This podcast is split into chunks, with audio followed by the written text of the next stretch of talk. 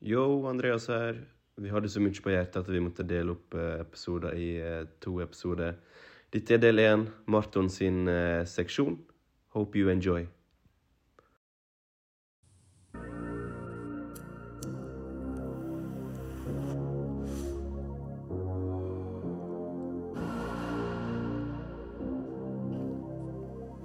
Ny episode av Studio Gangster.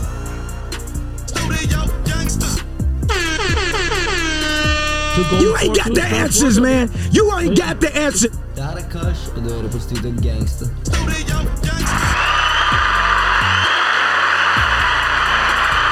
Ok, ok, ok, people. Vi er klar med episode 61, 6 pluss 1. Det blir 7. Hva er 7? Jo, det er starten på det tiåret hiphop offisielt ble kickstarta. I 1973 så var det 50 år siden hiphop ble eh, i gang.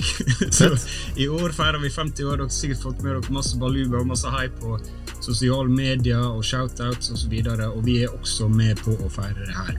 Jeg er alltid med Andreas i studio i Bergen, og vi er klare for å gi dere en helsikes episode. Det kan være. Vi er med her eh, Det var en fin intro. Jeg ble helt satt ut her. At du tok styringa fra start av. Jeg er ikke vant med det. 61 episoder, det er første gangen. Eh, Men som du sier, dette er en spesialepisode. Eh, håper dere, dere liker det. Vi skal ta dere på ei reise her gjennom Helt fra starten, helt til nåtid, eller hva? Prøve å connect the dots. Selv om hvor vanskelig det er, men vi har gjort det på vår måte. Og vi skal gå gjennom noen av de største hendelsene, begivenheter, i form av musikk, da, som har skjedd siden starten, og hvordan det former eh, hiphop og eh, musikk eh, sånn som vi kjenner det her og nå. Var det bra oppsummert? Bra oppsummert. Det er jo en litt sånn eh, lavterskelepisode om et uh, stort tema, på en måte.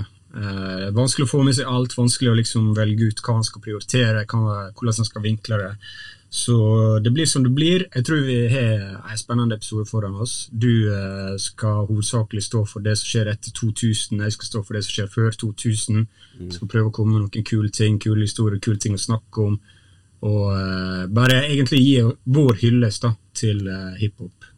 All right. okay. Let's take it way, way, way back. Eller vil du Skal vi starte litt med liksom hvor, hvor det skjedde, eller jeg føler at det er historie folk veit? Altså helt, Tror- helt i starten. Ja, kanskje jeg kan gi en kjapp recap da, Ja. for uh, hva liksom uh, Hva slags dag vi, vi feirer jo eh, Er det 11. august? Ja. Jeg ble litt usikker sjøl. 11. august, for en eller annen grunn så har jeg alltid trodd det var 23. august, som er dagen i dag. Men det var altså 11. august i 1973, og da var det en såkalt back to school party for lillesøstera, tror jeg, til eh, legendariske DJ Cool Herc. Og han spil spilte jo da plater da, på denne her back to school-partyen. Det var masse folk der, 40 stykker kanskje, inne i en leilighet. Og han liksom bare fant opp denne greia da med å spinne platene og breake dem opp og rappe litt på miken innimellom. Og det var liksom startskuddet. da, og det er liksom det som blir anerkjent som liksom kickoff-eventen da, i hiphop-verdenen for hiphop. Men mest sannsynlig så er jo det en kultur som på en måte er og eh, Olma mye lenger enn det. da. Eh, men det var på en måte det som ble ansett som den offisielle eh, bursdagen. Startskuddet. si. Ja, startskuddet. Fast forward, da? Eller? Fast forward, ja. ja jeg kan kjøre fast forward. Eh, som jeg sa, selv om det strekte seg tilbake til 1973, så kom ikke den første singelen og skiva før i overgangen til 80-tallet. Altså nærmere sju år fram i tid der. altså. Og derfor valgte jeg, som eh, første kickoff point her, å snakke om albumet Sugar Hill Gang av Sugar Hill Gang. Go! Spiller i bakgrunnen, du hørte det, sant? Hører, hører det. Og alle har hørt det her. Alle har hørt den, eh, den sangen her. Ikonisk. Sier ikke det, altså. Jo. Ja, jo da, alle har hørt det. Er hip, hap. Ja. Men På slutten av 70-tallet så var det et uh, vibrerende miljø i New York for å lage hiphop. Men det var liksom på fester og på scener og i gatene og sånn. Og du hadde liksom veldig kjente grupper som Cold Crush Brothers, Grandmaster Flash og The Furious Five. Uh, Funky Four, The Treacherous Three, Fantastic Five.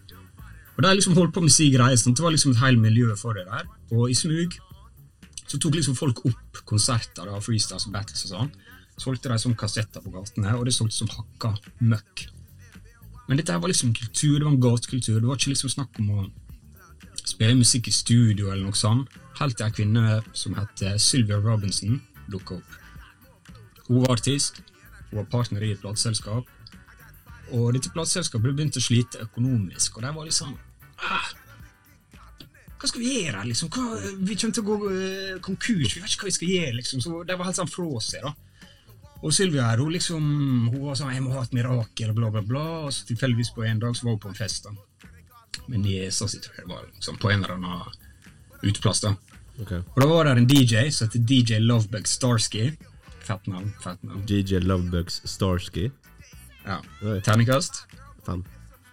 Terningkast fem, ja. Så han sto liksom opp på scenen der, da, var DJ, og liksom sånn typisk stilen, da. Spann opp plate, rappa litt ting innimellom. Så kjørte han liksom den der eh, Hip-hop, and you don't stop Et eller annet sånt, sant? som vi da kanskje drar kjensel på fra låta Rappers Delight, hooken der. Men da fikk hun en sånn eureka. Det her, det er det, det er det jeg trenger. Det er det jeg trenger for å redde plateselskapet mitt. liksom. Så hun fikk tak i han, og han var litt sånn Nei, jeg er bare DJ, jeg vil ikke rappe. liksom, Det der gidder ikke jeg, og det er ikke for meg. og sånn og sånn. Så hun ble litt sånn rådløs. Så ringte sønnen sin. Yo, jeg trenger noen rappere. Finn noen rappere til meg nå, liksom. Ja, hvordan var det etablert? liksom- Hva som var en rapper på den tida, egentlig? da? Nei, hun sa sikkert ikke rapper, Ja. kanskje. Hun bare sa en sånn fyr som liksom spytta li- sånn, Du vet sånn uh, uh. En MC. Kanskje det var det. Ja, jeg trenger en MC. Ja, Kanskje de brukte ordet MC. Hvem veit? Hvem vet. Men Hun sendte liksom sønnen sin ut på gatene. da. Han plukka opp en fyr fra pizzasjapp og noe sånn greier. Sant? Så endte opp med tre stykker, da. Liksom en sånn audition-type. Og så rappa de for henne, og sånn, og så var hun litt sånn ah, Vanskelig å velge en her, liksom. Så eh, hun endte jo liksom opp med å bare si ja, Jeg bare tar dere alle tre. Jeg bare tar dere alle sammen. Møt meg på mandag i studioet mitt, liksom. Og det var jo liksom sånn det begynte. Sant? Da hadde du plutselig Big Bag Hank, Master G og Wonder Mike, som de kalte seg. Veldig gode navn. Så aldri har sett et studio før, og visste ingenting om musikkinnspilling. Plutselig befant seg i studio, og her skulle de lage rappmusikk. Det var helt uhørt. sant? Det var ingen som gjorde det her. sant? Så begynte hun å spille en beat der, som vi da i dag kjenner som Rappers Delight. og De bare begynner å rappe. sant? De vet ikke hva de driver med, hvor de skal, hvor de er. Bare passer mikken, Ok, nå er jeg tom for, tom for vers, passer den videre. Og som vi i dag vet, så er denne låta 14 minutter lang. Og Den kom altså ut helt på slutten av 1970-tallet. Eh, 16. september. Og det ble på en måte en hit. da. Den gikk liksom rett inn på Billboard Top 40. Veldig mange som fikk med seg det her. De ble på en måte stjerner over natta, eller litt sånn ministjerner. da. Og eh, på en måte det var den første kommersielle innspillinga av hiphop, da, selv om det liksom fantes rundt om i gatene i New York spesielt. Og, Det er sjukt, for det er jo gått litt tid der mellom 73 og uh, 79, da. mm, det var seks lange år, liksom. Og det som, det som var litt morsomt, det var at de som drev med hiphop, sånn Grandmaster Cass og disse der, de ble jo litt sånn forbanna. sant? For jeg gikk på Hvem er disse folka? liksom? Ja. Hvem tror de de er? Tror de bare kan komme og rappe foran et studio? Så det er jo vi som rappere, liksom. og litt sånn da. Så det ble en sånn dårlig stil, da. Og uh, ikke nok med det, sant, så Han Big Bank Hank, sant. Han hadde noe ballene til å liksom stjele rima til Grandmaster Cass. Så var det liksom en sånn veldig kjent miljø, f- f- figur i hiphop-miljøet. Og så står han plutselig på Vax og spytter rima. Og bra så er til og med rett fram I'm the C-A-S and O-V. Og senere i verset så sa han også noe sånn Ja, pass på, du må aldri la en MC stjele rima dine. sant? Så han stjal liksom, og alle visste det var eh, Grandmaster Cass sin vers. Han ga faen. han bare gønna på. Så eh, låta var ikke uten kontroverser. Og så sa jeg egentlig at vi skulle snakke om albumet her. Det kom litt etterpå. I februar 1980. 7. februar. Og det inneholdt seks låter, blant annet Rappers Delight. Men Sylvia Robinson, som var da sjefen for studioet her, eller plateselskapet, Altså, hun var liksom ikke er sjølsikker nok da, på å gå all in på et hiphop-album. Så det er litt sånn utvaska. Det lener seg veldig mye på disko, det albumet. Men jeg syns det er en gøy listen. Jeg synes eh, Hvis du er hiphop-fan, bør du ha hørt dette albumet. Um, det er litt morsomt. Det er litt sånn kule beat, fengende hooks og det, det er litt sånn gøy, da. Det er sånn low-key å høre på, Synes Jeg jeg. kan si at det er ganske fengende, i alle fall, da, og det er jo veldig energisk og uh, veldig Hva man si det, det virker humørfullt og litt uh, sola skinner, på en måte. Eh, Ja, det er disko, da. Det er jo litt sånn stort diskopreg. Hvis man ser på musikkvideoen også, så er det veldig dansing der, og afro og Rett og slett diskoklær, er ikke det? Jo, jo, jo. Og det er liksom For meg, hvis jeg har en dårlig dag, er litt sliten og lei av på vei hjem fra jobb, Det det. da bruker jeg å skru på den låta. Nei, stop the cap. Jo, Stop ja, the det, cap. det er sant. Hva for en? Jo. Rappers Delight? Ja, rap is. Shit. Ja, for den er sånn bouncy, den er sånn gøy. Ja, ja.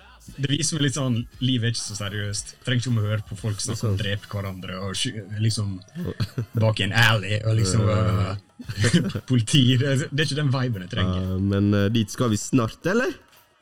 Over på den Eh. viben der. Politi og uh, back alleys og guns. Eller er det mer du vil si? Det er ikke så mye å si om det, om det albumet her, men det er liksom den første liksom hiphopen på Vax. Mm. Jeg syns alle bør høre det. Og jeg syns på en måte for den det hiphop starta som, da Det er en veldig god representasjon av hvordan hiphop starta, hvordan det hørtes ut, og hva det handla om, på en måte. da Og jeg syns det er greit for liksom Det er greit å liksom ha den forbindelsen Referanse. hvor det begynte, på en måte. Ja, det er referanse. Absolutt. Og det Og det fører meg egentlig videre til neste ting jeg vil snakke om i dag. Q neste. Q neste. Nå skal vi litt uh, fram i tid her. Vi nærmer oss 1986. Vi er fortsatt i New York.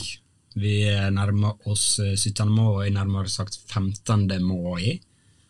Og vi skal til et album, så er et tredje rekka. Vi skal til Run DMC, trioen fra, eh, fra New York. Og vi skal til albumet Racing Hell. Tricky! Tricky! Grunnen til at jeg valgte ut dette albumet, her, det er fordi at det blir sett på som et av de viktigste uh, hiphop-albumene gjennom tidene. For både sin kommersielle suksess og innflytelse både albumen og kanskje mer gruppa da, hadde på hiphop. Popkultur, klær, Ja. Adidas Kul- Ja, Hadde sant. kulturen i chokehold. Ja. Jeg kan begynne litt mer kommersielle. Det var det første rappalbumet som gikk inn som nummer én på Billboard R&B-lista. R&B. Ja. Første rap- Var, var ikke rappliste da på den tida, kanskje? Eller? Jeg vet ikke når den ble oppretta, egentlig. Nei. Nei. Uh, det var første rappalbum som gikk inn på eh, Billboard Pop topp 10. Ganske solid. Og jeg mener også det andre rappalbumet som gikk platinum. Jeg leser litt ulike ting her, eh, om det var det første eller det andre. Jeg finner liksom aldri en kilde jeg kan stole på, men jeg er ganske sikker på om det ikke var det første, så er det i hvert fall nummer to. Ja. Houdini med Escape, der var sikkert det, det første. Der kom det to år før. Nei, kanskje ja. Houdini med Escape. Men mer viktig, da, så tok dette albumet her Run DMC tok liksom rap til det amerikanske folk og satt hiphop på agendaen. For med det gjennombruddet jeg hadde, så var det liksom på nyhetene, folk snakka om det, det var musikk som på en måte det nådde ut til liksom, kanskje spesielt ungdommer da, som fant seg litt sånn Ja, jeg er litt rocker, men jeg syns det rappgreiene er kult. og litt sånn da. Fan, liksom, Det var en innovativ måte å lage på musikk på, så det nådde ut til et helt annet publikum. Og så hadde jo de på en måte tre ganske store låter her, sant? som av litt ulike grunner ble veldig populære. Men kanskje det som er viktigst for hiphop-kulturen, det er at eh, grunnen til de har så stor stjerne, Run DMC, kanskje, kanskje Run DMC mer enn dette albumet, grunnen til de er så stor stjerne, det var for at de var pionerer for det som blir kalt for the new school of rap. Og I lag med LL Cool J så lagde de hiphop der trommene var programmerte, førte liksom til at de framsto så mye større og hardere. Rapperne tok mer plass i tekstene, eller i låtene, og sangene var kortere. Sånn som her var det gjerne rock-sample-basert. De var litt røffere i kantene. Og rappen var mer in your face, litt mer sånn sosialpolitisk. sant? Hvis du tenker litt mer på sånn som Rappers Delight, rapp før Run DMC, det var mye mer sånn fest, og det var gøy, og jeg spiste dette til middag i dag, og det smakte drit. Sant? Det, var, det var litt sånn mer jovialt og trivialt, men med inntoget av New School of Hiphop med Run DMC og LKJ, så ble det på en måte mer sånn aggressivt. De fortalte deg hvordan ting var. Liksom, det var slutt på det her, det var programmerte trommer. Det var liksom mye hardere. da, og Det det er liksom det hiphop fortsatt er i dag. sant? Virker som du hadde mening mening også, bak eh, Det intent bak eh, Det var et formål bak eh, sangene, da? Eller albumet? Ja det, ja, det var på en måte ikke sånn som jeg sa, sånn trivielle sanger ja. som handla om egentlig ingenting. sant? Det var, det var gjerne noe de ville fortelle deg. sant? For det starta jo i 84, men Racing Hell kom i 86, så hva har de gjort frem til da? da? Mellom den, eller, Det, den var, de, Det hadde, de hadde en del singler og sånn, Mm. som ble droppa litt sånn overalt, og det var vel eh, Egentlig første albumet der det var bare en sam oppsamling av singler som de hadde gitt ut fra før av. Okay. Så det var på en måte ikke helt sånn. Og så kom vel Kings of Rock, om jeg ikke tar helt feil. Stemmer ja. Og det er også et ganske solid album, liksom. Men du har ikke liksom sånn som på dette albumet her, så har ikke du de hitene, da. Som Du kan si at kanskje de to foregående albumene gjorde like mye for hiphop som det albumet her gjorde. Mm. Men det albumet her tok også liksom hiphop inn på den nasjonale arenaen, da. Men jeg lurer litt sånn på Beastie Boys også. Jo, de kom jo også ut i 86 med sitt første album, 'License to Ill'. Veldig rockinspirert. Eh, Hva var liksom maktforholdet mellom de? Var det liksom de, de hadde sine forskjellige fanbaser, eller var det de beefa de på en måte, eller levde de i samme verden eh, fredelig? Både, både Run DMC og Beastie Boys var jo på en måte litt sånn av eh, Rick Rubin, sant, som trakk i trådene Ja, ja. i Def Jam og sånn. Mens Run DMC da var først og fremst da hadde produsenten sin, Russell Simmons, var broren til uh, Run. Altså han som blir kalt for Run, jeg tror han heter uh, Joseph Simmons, ja. Og han har liksom styrt uh, Run DMC dritlenge, og så kom Rick Rubin. Han var sånn OK, jeg liker det du gjør. La oss connecte. Jeg er veldig sånn punkhead, egentlig. Ok, Han hadde veldig stor innflytelse på Walk This Way. sant? Først skulle de bare sample Walk This Way, men Rick Rubin var sånn nei, la oss bare kjøre remake av hele sangen. Flyge Aerosmith inn, bla, bla, bla. Og så hadde Rick Rubin sin egen greie på sida med Def Jam og Beastie Boys, og sånn, så det var ikke noe sånn ondt blod sånn sett. Nei. Og eh, ja, de er jo på en måte, Selv om de er veldig rockebasert begge to, da, spesielt Beastie Boys i det første albumet sitt, så vil jeg si de er jo, de er jo fortsatt litt forskjellige. sant? Og Spesielt kanskje den tanken på svart og hvit dynamikken og hele den greia der. da. Ja, så, men 86, da, hvis vi skal være helt sånn, prøve å være litt sånn svart og hvit på det, at eh, det var da den kommersielle hiphopen som vi kjenner den i dag, starta. da. Vil vi si det? Den første skikkelig store kommersielle suksessen er Run DMC. Ja, ja det, det er min påstand. Ja. At de var de første store. Og sånn som For å gå litt tilbake til det med kleder, sånn, som du nevnte der. De er jo en låt her som heter uh, My Adidas. sant? Mm. Og det var jo liksom, De ble jo hylla fordi at de på en måte bare Jeg liker tracksuiten min, jeg liker bøttehatten min, og jeg digger Adidas-skoene mine. Ja. Sant? Og på den tida var rappere sånn, de hadde ikke noen store stjerner. Sånn, De hadde ikke noe forbilde. Så de var sånn, jeg tar litt fra rockestjerne og litt fra en diskofyr. og litt sånn. Det er liksom sånn cowboyhatter laga av diamanter, sånn stringtruser som sjal og boot, cowboyboots, whatever. sant? Ja. Mens Run DMC der var sånn, nei, dette er oss. Vi er heller ekte. Sant? Og det ble litt sånn kulthelter, for at de liksom gikk sånn som alle andre. De holdt ekte mot seg sjøl. De var det original keep it real people. liksom. Ja. Og det gjorde jo også at de, fikk, de var den første ikke-sportslige hva skal jeg si, grupp, noen av de da. Det var den første ikke-sportslige ja, gruppa eller personen da, som inngikk en sport, avtale med et sportsselskap, sånn som Adidas. sant? Fordi de var så feite. Og nå er det supervanlig. Nå er jo Travis Scott Altså alle Hvem er, det som ikke har avtale med en eller annen eh, Nike eller Adidas? Nå er det ekstremt vanlig. Så det virker på meg som at det er på mange måter starten på eh, mainstream hiphop, da. Som vi, Ja. vi kjenner i dag. Sorry. Stilen også. altså... Ja. det, sånn måten de lager hiphop på, selv om det ikke kanskje høres akkurat like ut, så er det fundamentet for hva vi hører i dag. Det var de som gjorde den aggressiv, det var de som gjorde den hard, Ja. og de som liksom brukte programmerte trommer og alt det der, og liksom fikk sound til å bli egentlig sitt eget. da. Ja. Ja, man ser man noen av de der superstar nå, så er, selv om vi var, vi var jo langt ifra født på den tida, så tenker man på Run DMC, og alle har jo hørt Walk This Way og Peter Piper og uh, alle disse sangene her selv. Det er liksom bare på default, liksom, på samme måte som at man alltid har hørt Thriller eller Billie Jean og Michael Jackson. Jeg føler det er bare sanger som er bare innprinta i menneskehistoria, inni blodet vårt. Det er jeg helt enig i. Og det er på en måte sanger jeg syns er mer kule enn jeg, jeg liker dem sjøl. Jeg vet ikke hva du syns. Du har jo hørt eh, litt på ditt album kanskje siste veka. Hva syns du om liksom denne typen hiphop, sånn sett? Jeg er ikke så stor fan av den uh, liksom det, Altså Det er kult å høre på det for å liksom gå tilbake i tid og høre på hvordan det var, på en måte men jeg kan ikke bompe det helt sånn ha det i bakgrunnen mens jeg, dagen min går, på en måte. Uh, det kan jeg ikke. Men jeg hørte meg på sånn type musikk, av deg og eh, NWA, for eksempel, når jeg var yngre. Da Da hørte jeg på det uironisk, liksom, og bumpa det. Men jeg er ikke der nå lenger, liksom. da Eh, Men jeg kan sjekke ut en gang iblant. Jeg hørte mye på eh, tidligere som Beastie Boys, for eksempel. Så jeg føler man må liksom gjøre leksa si og gå gjennom eh, disse største albumene eh, før vår tid også. Selv om det, det kan høres på noen aspekt litt utdatert ut. Men mange av de sangene er jo fortsatt ikoniske uansett hvor gammeldags preg de har på seg. Så de lever jo videre i god ånd uansett, sånn som Walk This Way og Eat Stricky og Peter Piper og alle disse ungene her. De er jo liksom ikoniske, selv om selvfølgelig hører, du hører at de er fra 80-tallet, på en måte. Men it is what it is. Ja, absolutt. Dette er nok av den hiphopen som jeg føler høres gammelst ut. på en måte. Ja. Og jeg er litt enig. Det er, det er nok Det kommer på en og annen sang her og der, kanskje.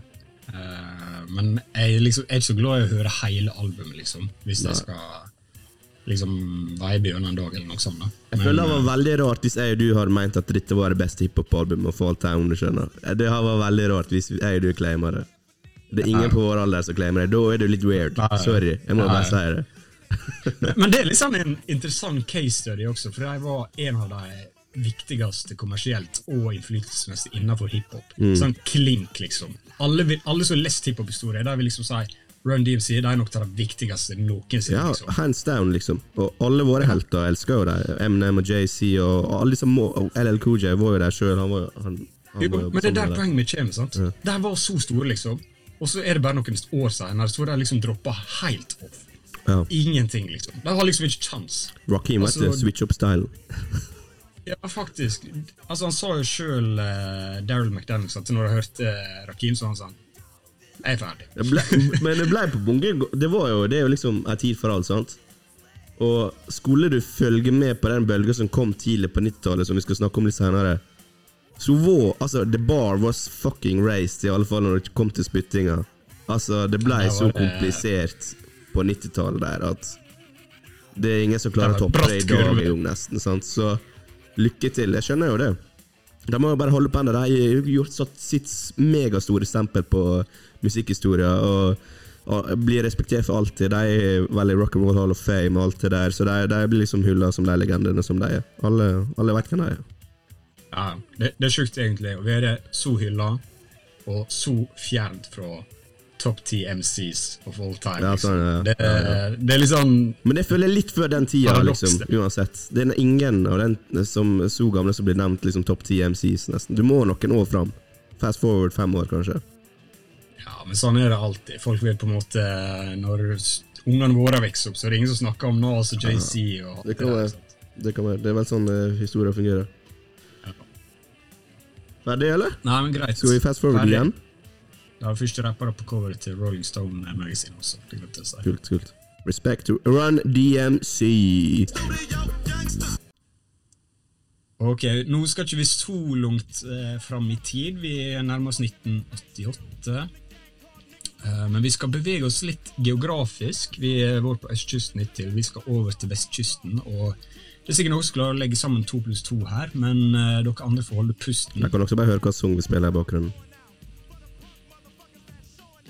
Men ja. det. Og hvis du fortsatt ikke skjønner det, da, da er det ingenting vi Da vet ikke hvorfor du hører på denne podkasten. Nei, men uh, på denne tida her, liksom når vi nærmer oss 1988, så var det bare kanskje et par merkverdige album som har blitt gitt ut uh, på vestkysten. Merkverdige hiphop-album bare, ja. Ikke musikk eh, sånn generelt. Og det var henholdsvis av Ice-T og Too Short. Uh. For det musikk Musikken på vestkysten var fortsatt veldig def det var dominert av tekno og dansemusikk som liksom foregikk i sånne rulleskøytehaller med DJs. Dre liksom- var jo derfra. Dre var jo opprinnelig Ja. derfra. Ja, ja. Musikken handler liksom om strandliv og damer, liksom fest, the California lifestyle, litt sånt. Men uh, dette endra seg veldig fort, og spesielt så hadde dette her med crack-epidemien i USA, spesielt og uh, Los Angeles, California, som vokste fram, hadde en veldig stor effekt på samfunnet. Og det oppsto liksom mange skyggesider i mange av disse bydelene. Og det fulgte alvorlig kriminalitet preget av gjengliv, drap, narkotikasalg og selvfølgelig politivold. Og to år etter Ice-T i 1986 slapp Gangster Anthem-singelen Six in the Morning, så var det en viss annen Ice-rapper, Ice Cube. Var inspirert til å skrive sine egne låter om hvordan han opplevde realiteten av livet i Los Angeles. Ice Cube vokste opp i nærheten av en viss Dr. Dre, der han ble kjent med gangsteren Easy E, og i lag med DJ Yella, The Arabian Prince og MC Ren, så starta de gjengen NWA. med gjengen NWA. Så nå er vi landa. Vi landa i 10. juli 1988, og albumet, hvis du fortsatt ikke skjønte det, så var det Straight Out of Compton. Du ser så hard ut når du, når du sier det. Straight out of camp. Ja, ok.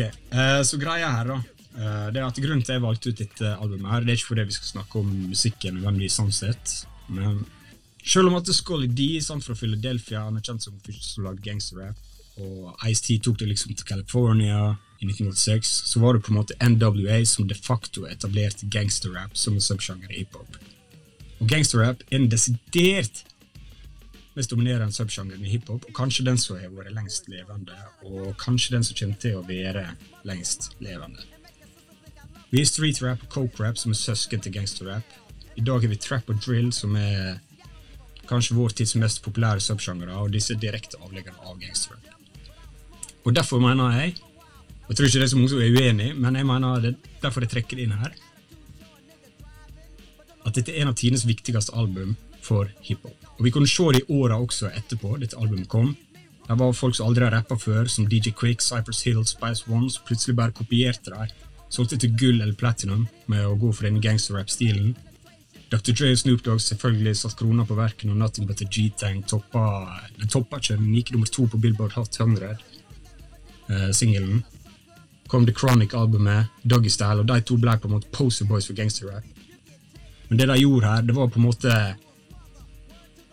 tok liksom samfunnet de levde i, lagde en reaksjon på det, musikken av det, og etablerte en subsjanger i hiphop som på en måte Kanskje, kanskje var den viktigste viktigste subsjangeren i hiphop. Og når vi diskuterte at vi skulle snakke om 50 år eh, feire 50 år, så foreslo til og med du, Andreas, at vi, vi snakker bare om gangster. Ja, ja. Det sier sitt, sant? Hørte. Det sier sitt om hvor stort det NWA gjorde her. Var. Det er jo synonymt. Man tenker jo rap, så tenker man at det er om gangsters, og det er gatelivet som er fokus. The struggle on the, on the sidewalk, liksom. Og med NWA så kom jo liksom to av de viktigste personene kanskje innenfor hiphop. Kanskje den viktigste er Dr. Dre, det kan, kan du diskutere. Ice Cube, som er en topp ti-rapper of all time, in my opinion. Han har skrevet de meste tekstene som du hører på. Eh, så liksom undeniable greats of the game. Ingen tvil. 100 Mount Rushmore. Og så Bare for å trekke litt tilbake til innledningsargumentet mitt her. Sant? Det var kanskje to hiphop-album som folk har visst om før det her.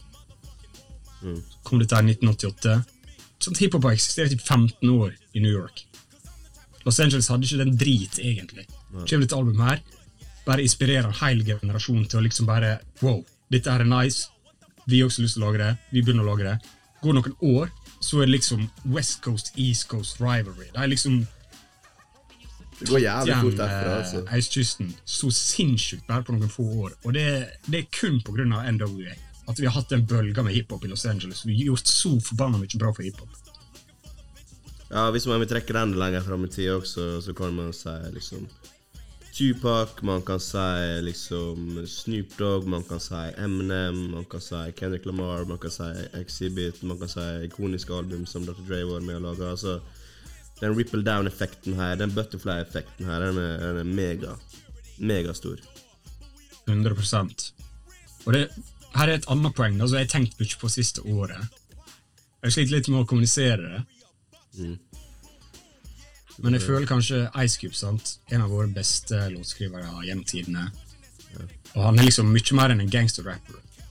Åpenbart. Det er kanskje, kanskje det han er mest kjent for. sant? Nå, ja. Nei, ja, ikke nå. Nå er han mest kjent som uh, kanskje skuespiller for uh, The Common Folk. Jeg vet ikke. Ja, ja, men innenfor hiphop, da. kanskje. Ja. Ja. Eller til og med folk som veit hvem han er som rapper. Men jeg tror på en måte han er mye til ære for at du kan være gangster-rapper i dag. Folk kaller deg fortsatt en lyricist. sant? Ja. For meg nå er det liksom sånn, Når jeg tenker på lyricist, tenker jeg noe som snakker om noe tidløst, kanskje har litt mystikk i seg, litt dybde. Kanskje kan være relevant for flere kulturer og mennesker med ulike bakgrunner, uavhengig av hva det egentlig er snakk om. Men i hiphop så er det liksom gangsterrap. Da er du lyricist. Hvis du skal snakke skikkelig om uh, gangstershit, da da får du det stempelet. Det er liksom kvalitetsstempelet. Sånn som for eksempel eh, ja, Jeg trenger ikke å nevne noen navn, jeg er ikke interessert i å gå inn i en diskusjon, men jeg har hørt rappere blitt kalt av liksom skikkelser i eh, miljøet liksom, ja, du er en lyricist. Så jeg sånn Den fyren snakker bare om det samme hele tida, liksom. Men ok, greit, han skriver det på en kul måte, en bra måte, liksom. Var det Pusha T det skulle? Nei, det var, det var ikke noen spesielle jeg tenkte på. Liksom sånn Helsike. Og det, det mener jeg er liksom Ice Cube sin fortjeneste. Han var liksom det første liksom stempelet av en lyricist i hiphop på liksom sånn stor skala. Og han er på en måte, alle på en måte blir litt sånn i skyggen hans. på en måte. Absolutt. Og mange av tekstene NTM Ren sine også tekster syns jeg står seg veldig godt i dag. da. Uh, du hører på noen av Easy uh, sine uh, vers at eh, han, er det litt simpelt, litt simple rim, enderim og sånn. Eh, og det er jo ikke noe hemmelighet at han ikke skrev uh, iallfall masse sjøl. jeg tror han nesten skrev ingenting. Eh, men eh, hvis du hører på Ice Cube-rapp, eh, så for eksempel liksom Fuck the Police og alt det der Altså, det er, jo, det er jo budskap som står den dag i dag, liksom. Og det er over 30 år siden, liksom. Snart 40. Så 100%. it's iconic. Iconic for a reason. Undeniable. Det er det. Et av um, Du kan si hva du vil om Racing Hill. Det kan vi sikkert begge. Ikke et av mine favorittalbum, men uh, det her er fort et av mine favorittalbum. Nei, det pika jo lett i altså Straight Outta Compton. Det var liksom en moment of time, og så skjedde jo det som skjedde etterpå. De gikk i oppløsning, og Ice Cube gikk ut, og, og så kom jo eh, Death Row og alt det her. Så, men uansett, det kommer alltid til å bli huska for Straight Outta Compton, liksom. Føler jeg. Ja, 100 det. Ja. Jeg tror ikke det er så mange som har hørt det, det neste albumet. Nei, jeg kan ikke, jeg kan ikke huske det, hvordan det var liksom. Ja. Ok, skal vi hoppe, eller? Uh, nå skal vi litt lenger fram i tid. Og uh, Det er umulig å snakke om hiphop-historier før 2000-tallet uten å snakke om hvordan The South etablerte seg i USA som den tredje kysten. Vi snakker nå om østkysten, vi snakker om vestkysten. The South for den tredje kysten, som det blir kalla. Ja. Og fram til Andre 3000 fra Outcast på 95 Source Awards proklamerte at South got something to say, så var det ingen som snakka om eller hørte på musikk fra The Dirty South.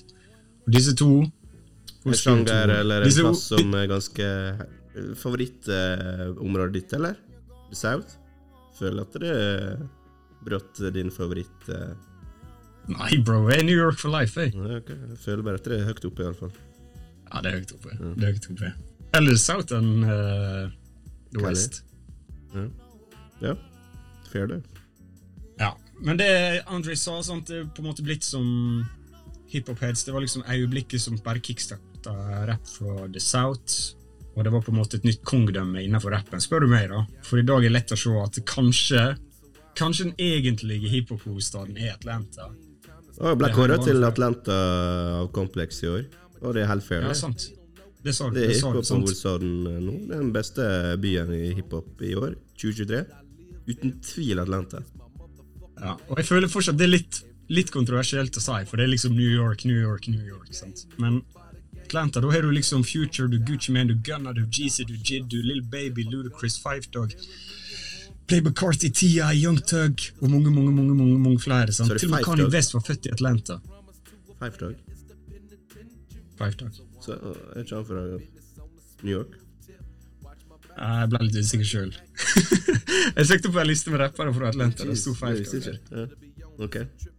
Ja. Men til tross for dette så er den tredje kysten mer enn bare Atlanta. Den omfatter også andre steder som New Orleans, Memphis, Houston Og Mye blitt sagt om hvordan Outcast fikk resten av USA til å anerkjenne South. Vi har gjort vår del i vår eh, dedikerte Outcast-episode, så jeg tenkte å putte lys på noe annet i dag. Noe annet som blir sett på som en hjørnestein for sørstatsrapp, og vi skal derfor til Porth Arthur, der Pimp C, rest in peace, og Bun B starta en av tidenes råeste duoer, UGK. UGK. Vi skal snakke om det tredje albumet i katalogen deres, Ride and Dirty. Det kom 30. juli 1996 og er en certified classic. Dette albumet er på en måte ikke vår katalysatoren eh, på samme måte som de andre albumene jeg nevnte i dag. Det er på en måte ikke den historiske begivenheten rundt seg, vil jeg si. En sleeper. Hva sa du, andre? Sleeper? Ja, kanskje det. Men det er Saturn langt inn i ryggmargen, og det er et fundamentalt verk for utviklinga av sørstatsrap. Og i motsetning til gangsterrap på vestkysten og boombap på østkysten, så liksom UGK trekker på en måte tempo ned her, der du fra andre regionene hadde på en måte disko eller funk som liksom kanskje var litt sånn baser, så finner du gospel og blues isteden. Det gir musikken en helt annen følelse. Og du får virkelig sånn se på dette albumet hvor viktig den slangen, da. Måten du liksom snakker på og dreier på ordene i sørstatene. Hvor mye det blir trukket inn i rappen her og gir liksom denne regionale scenen et særpreg. da. Og på bakgrunn av dette her, kvaliteten på produksjonen, tekstene og rappinga, så har jeg valgt ut dette albumet. Det her Før vi går eh, videre, så trap så vil jeg bare si en ting. Ok. Si det, da. Det var mye gøyere før når du bare kunne høre på rapper si han kommer fra the south, han kommer fra east, han kommer fra west. Det er ikke sånn i dag lenger. Nei. Men alle rapper, rapper jo der de kommer fra uansett, da. Men det er vanskelig å høre tilhørigheten der, da. Den dag i dag, da. Ja, ja. Hvis du hører på A$AP Rocky, så tenker du ikke at han er en classic New York, eksempel. Eller uh, Tyler Crater, Creator, at han er fra California. Eller Win Staples fra California. Kanskje på noen Jo, Win Staples kan du høre det, kanskje, men Ja. Nei, men poenget står. 100 Og ja, For å liksom bare ta litt tilbake, da. Det var litt vanskelig å velge et album herifra. Det kunne vært Scarface, Scarface og The Diary. Det kunne vært Get Boys We Can't Be Stopped. Outcast og Sunset Playlist selvfølgelig. Men jeg valgte Riding Dirty. Og selv om det på en måte er liksom den greia med Andre på Source Wars og Kickstarter, eller så føler jeg at denne regionen har hatt en langt vagere utvikling. Det er kanskje ingen klare album og artister som ga den hip, liksom hiphop det gjennombruddet i sørstatene som det var på de andre plassene. Sett en playlist, ikke sant? Det var en suksess, men det var liksom talen til Andre alle reagerte på. Hvem vet liksom om han aldri har sagt de orda? Har det vært liksom Outcast og Kickstarter da? Jeg tror ikke det. Og det er ingenting gale. Jeg anerkjenner den historien også. Liker den. Mm. Men i dag vil jeg liksom snakke om noe annet. annet. sånt. Men du er liksom Scarface. Han er anerkjent som The King of the South. Gitt flere soloalbum. Flere album i lag med Getto Boys før liksom denne hendinga med Outcast. Du er 36 Mafia, sant? En av de mest innflytelsesrike gruppene i hiphop. De ble danna i 1991. De har liksom ikke fått creds før nå. New Orleans, sant? du hadde legendariske Master P og No Limit Records, Birdman Cash Money. Det har også vært veldig viktig sånn, totalt sett i historien for hiphop. Så jeg mener liksom det er det totale, da. Det totale momentet på tvers av liksom disse ulike byene i det sørlige Amerika som liksom ga det et sånn kollektivt gjennombrudd. Når det Treestack bare trakk ut pluggen der, på en måte, og ting går der. Ja, for det var 95, UGK er sant? en av de som liksom bare definerte lyden derifra. Det var i 95, eh, den eh, Source Awards, ikke sant? Eller? Ja. ja. Og ditt album kom i 93. 96. Og UGK kom i 96? Ja, Supertight kom i 93, tror jeg. Ah, okay, okay. Ja, riktig. Du blander det sikkert. Ja. Og så, Du kan på en måte ikke liksom Selv om bare den sørstatsgreia, altså UGK og spesielt Pimsy har vært stor inspirasjonskilde for andre rappere også. Drake har liksom snakka om han både i musikk og intervju. ASAP Rocky nevnte han, Jake Cole nevnte han. Travis Scott. Big Crit. Lil Wayne tror jeg til og med en sang som heter Pimsy. Mm. Uh, Rick Ross snakker om han, Future snakker om han. Megan Thee Stallion har sagt hun lager musikk pga. Pimsy. Jeg tror kanskje Pimsy er den rapperen faktisk jeg har hørt som ble mest liksom shouta ut i musikk av liksom døde rappere, og det sier kanskje, kanskje sitt. No Love for Bun B? masse love for Bumby. Men uh, Jeg har masse love for Bumby, men jeg vil ikke snakke om det. Jeg føler det er tabu. All, alle er på Pimp C-greia.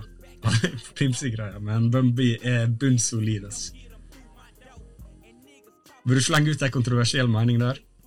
Nei, jeg bare er lurte på hvorfor hvorfor du ikke nevnte han så mye. Jeg er klar for å backe deg. Jeg lurte på hvorfor du ikke nevnte han så mye. Er det noe jeg ikke har fått med meg? Nei, men det, det som jeg sa, det er veldig mange som snakker om Pimsy.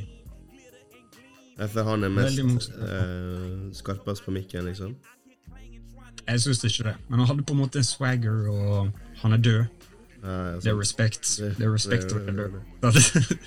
Så Ja, men det er sant, han er fortsatt eh, De preger fortsatt uh, musikklandskapet den dag i dag. Enn til tidligere så jeg bare Drake var Nei, tidligere år så jeg Drake var besøkte Jeg tror Bunby åpna en eller annen burgersjapp eller noe sånt. Drake var der og in person og uh, gjorde liksom uh, og, og stilte opp og for at han skulle få blest rundt seg. Så ingen tvil om at de blir respektert innenfor uh, hiphop-miljøet. Og stor del til at trap-musikk er sånn som det er i dag, kanskje. ja, tror du det? Føler jo at det er på en måte en eh, start på trap-musikken her, da. Litt sånn laid back. Altså, jeg føler Ride and Dirty, det albumet, er jo ganske laid back. Litt sånn deres sin Altså, det er South sin, kanskje eh, The Chronic, da, for eksempel. På den måten som at kan lene seg tilbake til gin and juice og Det er litt enig ja. Det, det er litt sånn laid back, men det er fortsatt Det er fortsatt gangster på sin måte. sant? Første Ja. sangen der handler om uh, one day. sant? En dag er du her, neste dag er du død. Absolutt. liksom. Det er noe bare leve livet. da. Feelingen man får av å høre på det. Ja, ja, ja. ja, seriøst. One Day. Første skikkelige låta på dette albumet er en av mine favorittlåter er ever i hiphop. Noen av versene her er helt sinnssyke. Det er liksom Det er klink en av de beste albumene som kom fra South ever. Men Hvordan det stacker opp mot da, for eksempel uh, The Chronic, da, vil du si? Hva du sier Hvordan det stacker opp mot The Chronic, for eksempel? Eller en uh, Ilmeric, eller uh, en Så de albumene hadde jo uh, impact, da. Ja. Jeg, jeg vil ikke si dette, selv om det var et ganske sånn, suksessfullt album, så tror ikke dette hadde liksom sånn instant impact som mange Det av var de en slow classic burn, albumene har. Slow burn liksom. Ja. De som veit, de veit greie.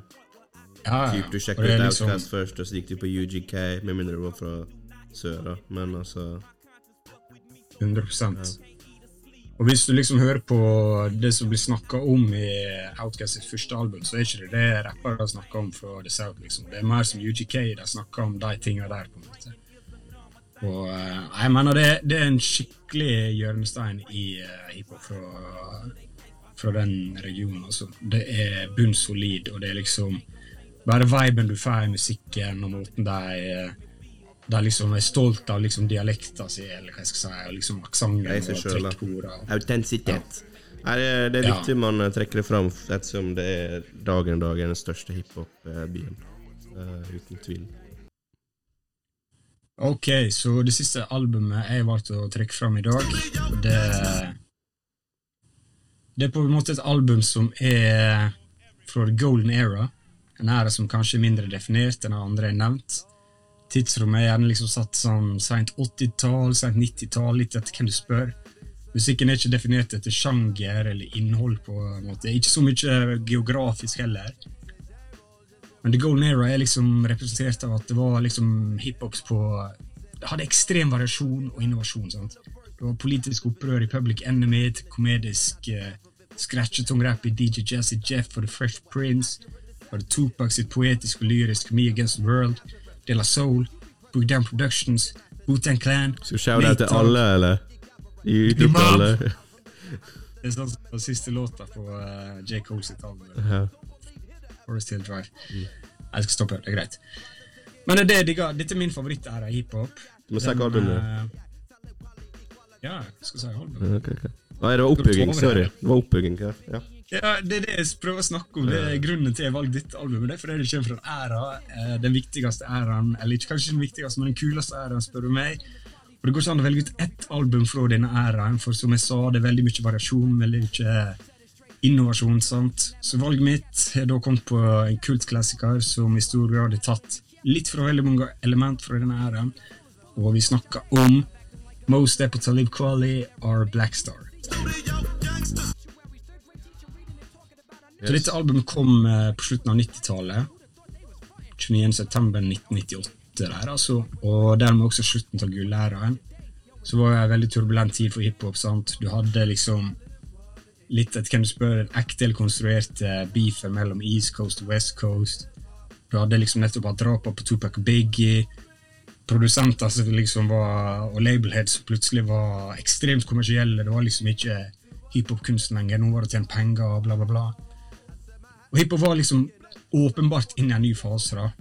Og midt imellom liksom den shiny suit-rap-eraen liksom som var begynt å komme der, og det gryende undergrunnsmiljøet som på en måte var en motreaksjon til sistnevnte, så kom Blackstar.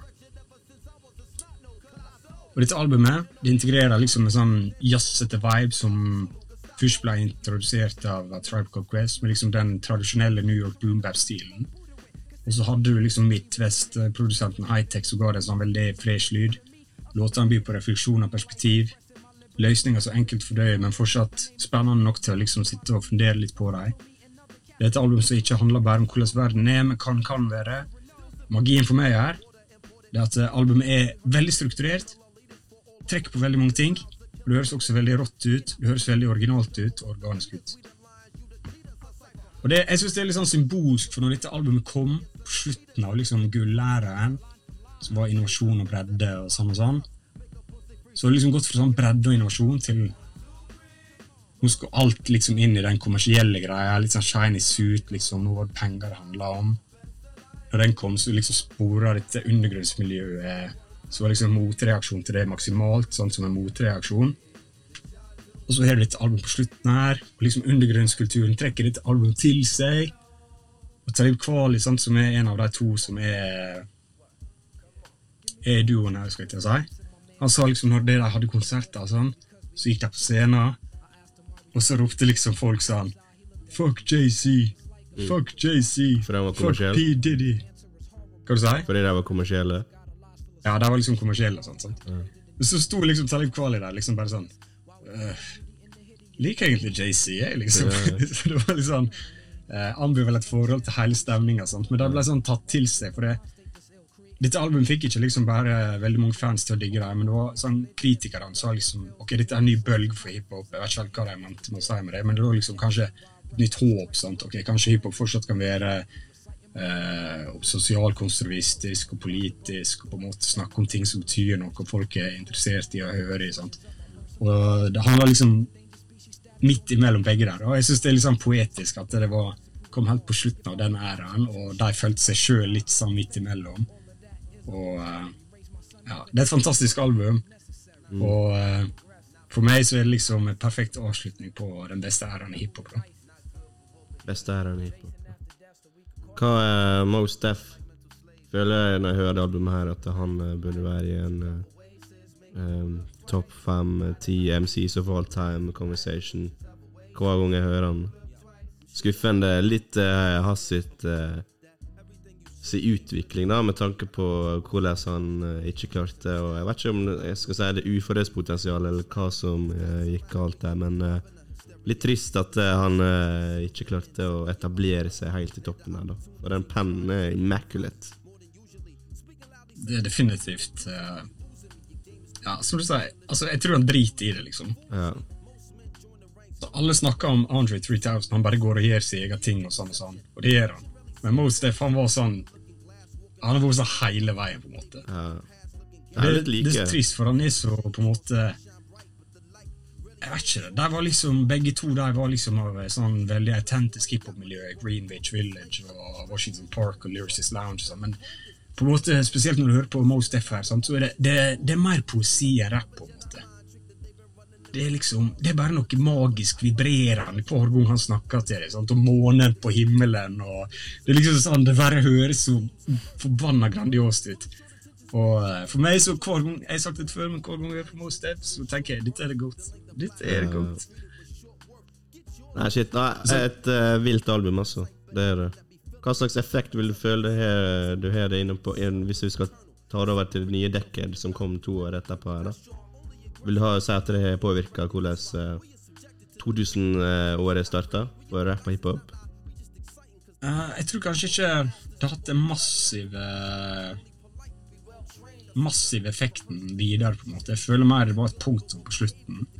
Men så har du kanskje sånn som Sånn som Kanye og Common og Mm. den, den eh, gjengen der da, på en måte så følte liksom bygde seg videre på denne liksom mer sånn Ok, vi kan snakke om det sosiale og problemer, men vi kan også være positive om det. og liksom Ikke bare snakke drit og hate på politiet og eh, alt det der. Vi kan liksom prøve, å løse problemer gjennom musikken. og sånn. Så jeg føler definitivt det var det er definitivt en inspirasjonskilde for noen veldig viktige rappere i framtida, men liksom det store effekten på kulturen tror jeg ikke det hadde. Det er på en måte ikke den klassiske, veldig dirty boom-bap New York-greia. Det var ikke en Dirty Gritty Nas eller en uh, breial Tupac eller en uh, melankolsk uh, Biggie Smalls. Det var liksom mer sånn uh, kanskje hverdagslige ting. Altså, Ja, det er et lys der, på en måte. Ja, ja, litt Det er et lys når du hører på det.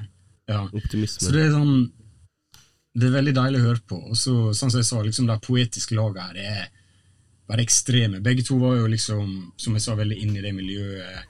Talib Kvali han var liksom oppvokst i en veldig akademisk heim. og sånn. Han ble liksom han tatt ut av skolen for han var foran alle andre og ble sendt til en annen skole for han hadde ikke nok utfordringer. Og, nei, det, det er liksom to veldig interessante personer som har kommet i lag her. Og det sjukeste er at de sjøl mente vi er ikke en gruppe, liksom. Vi er bare to forskjellige personer som er venner, viber.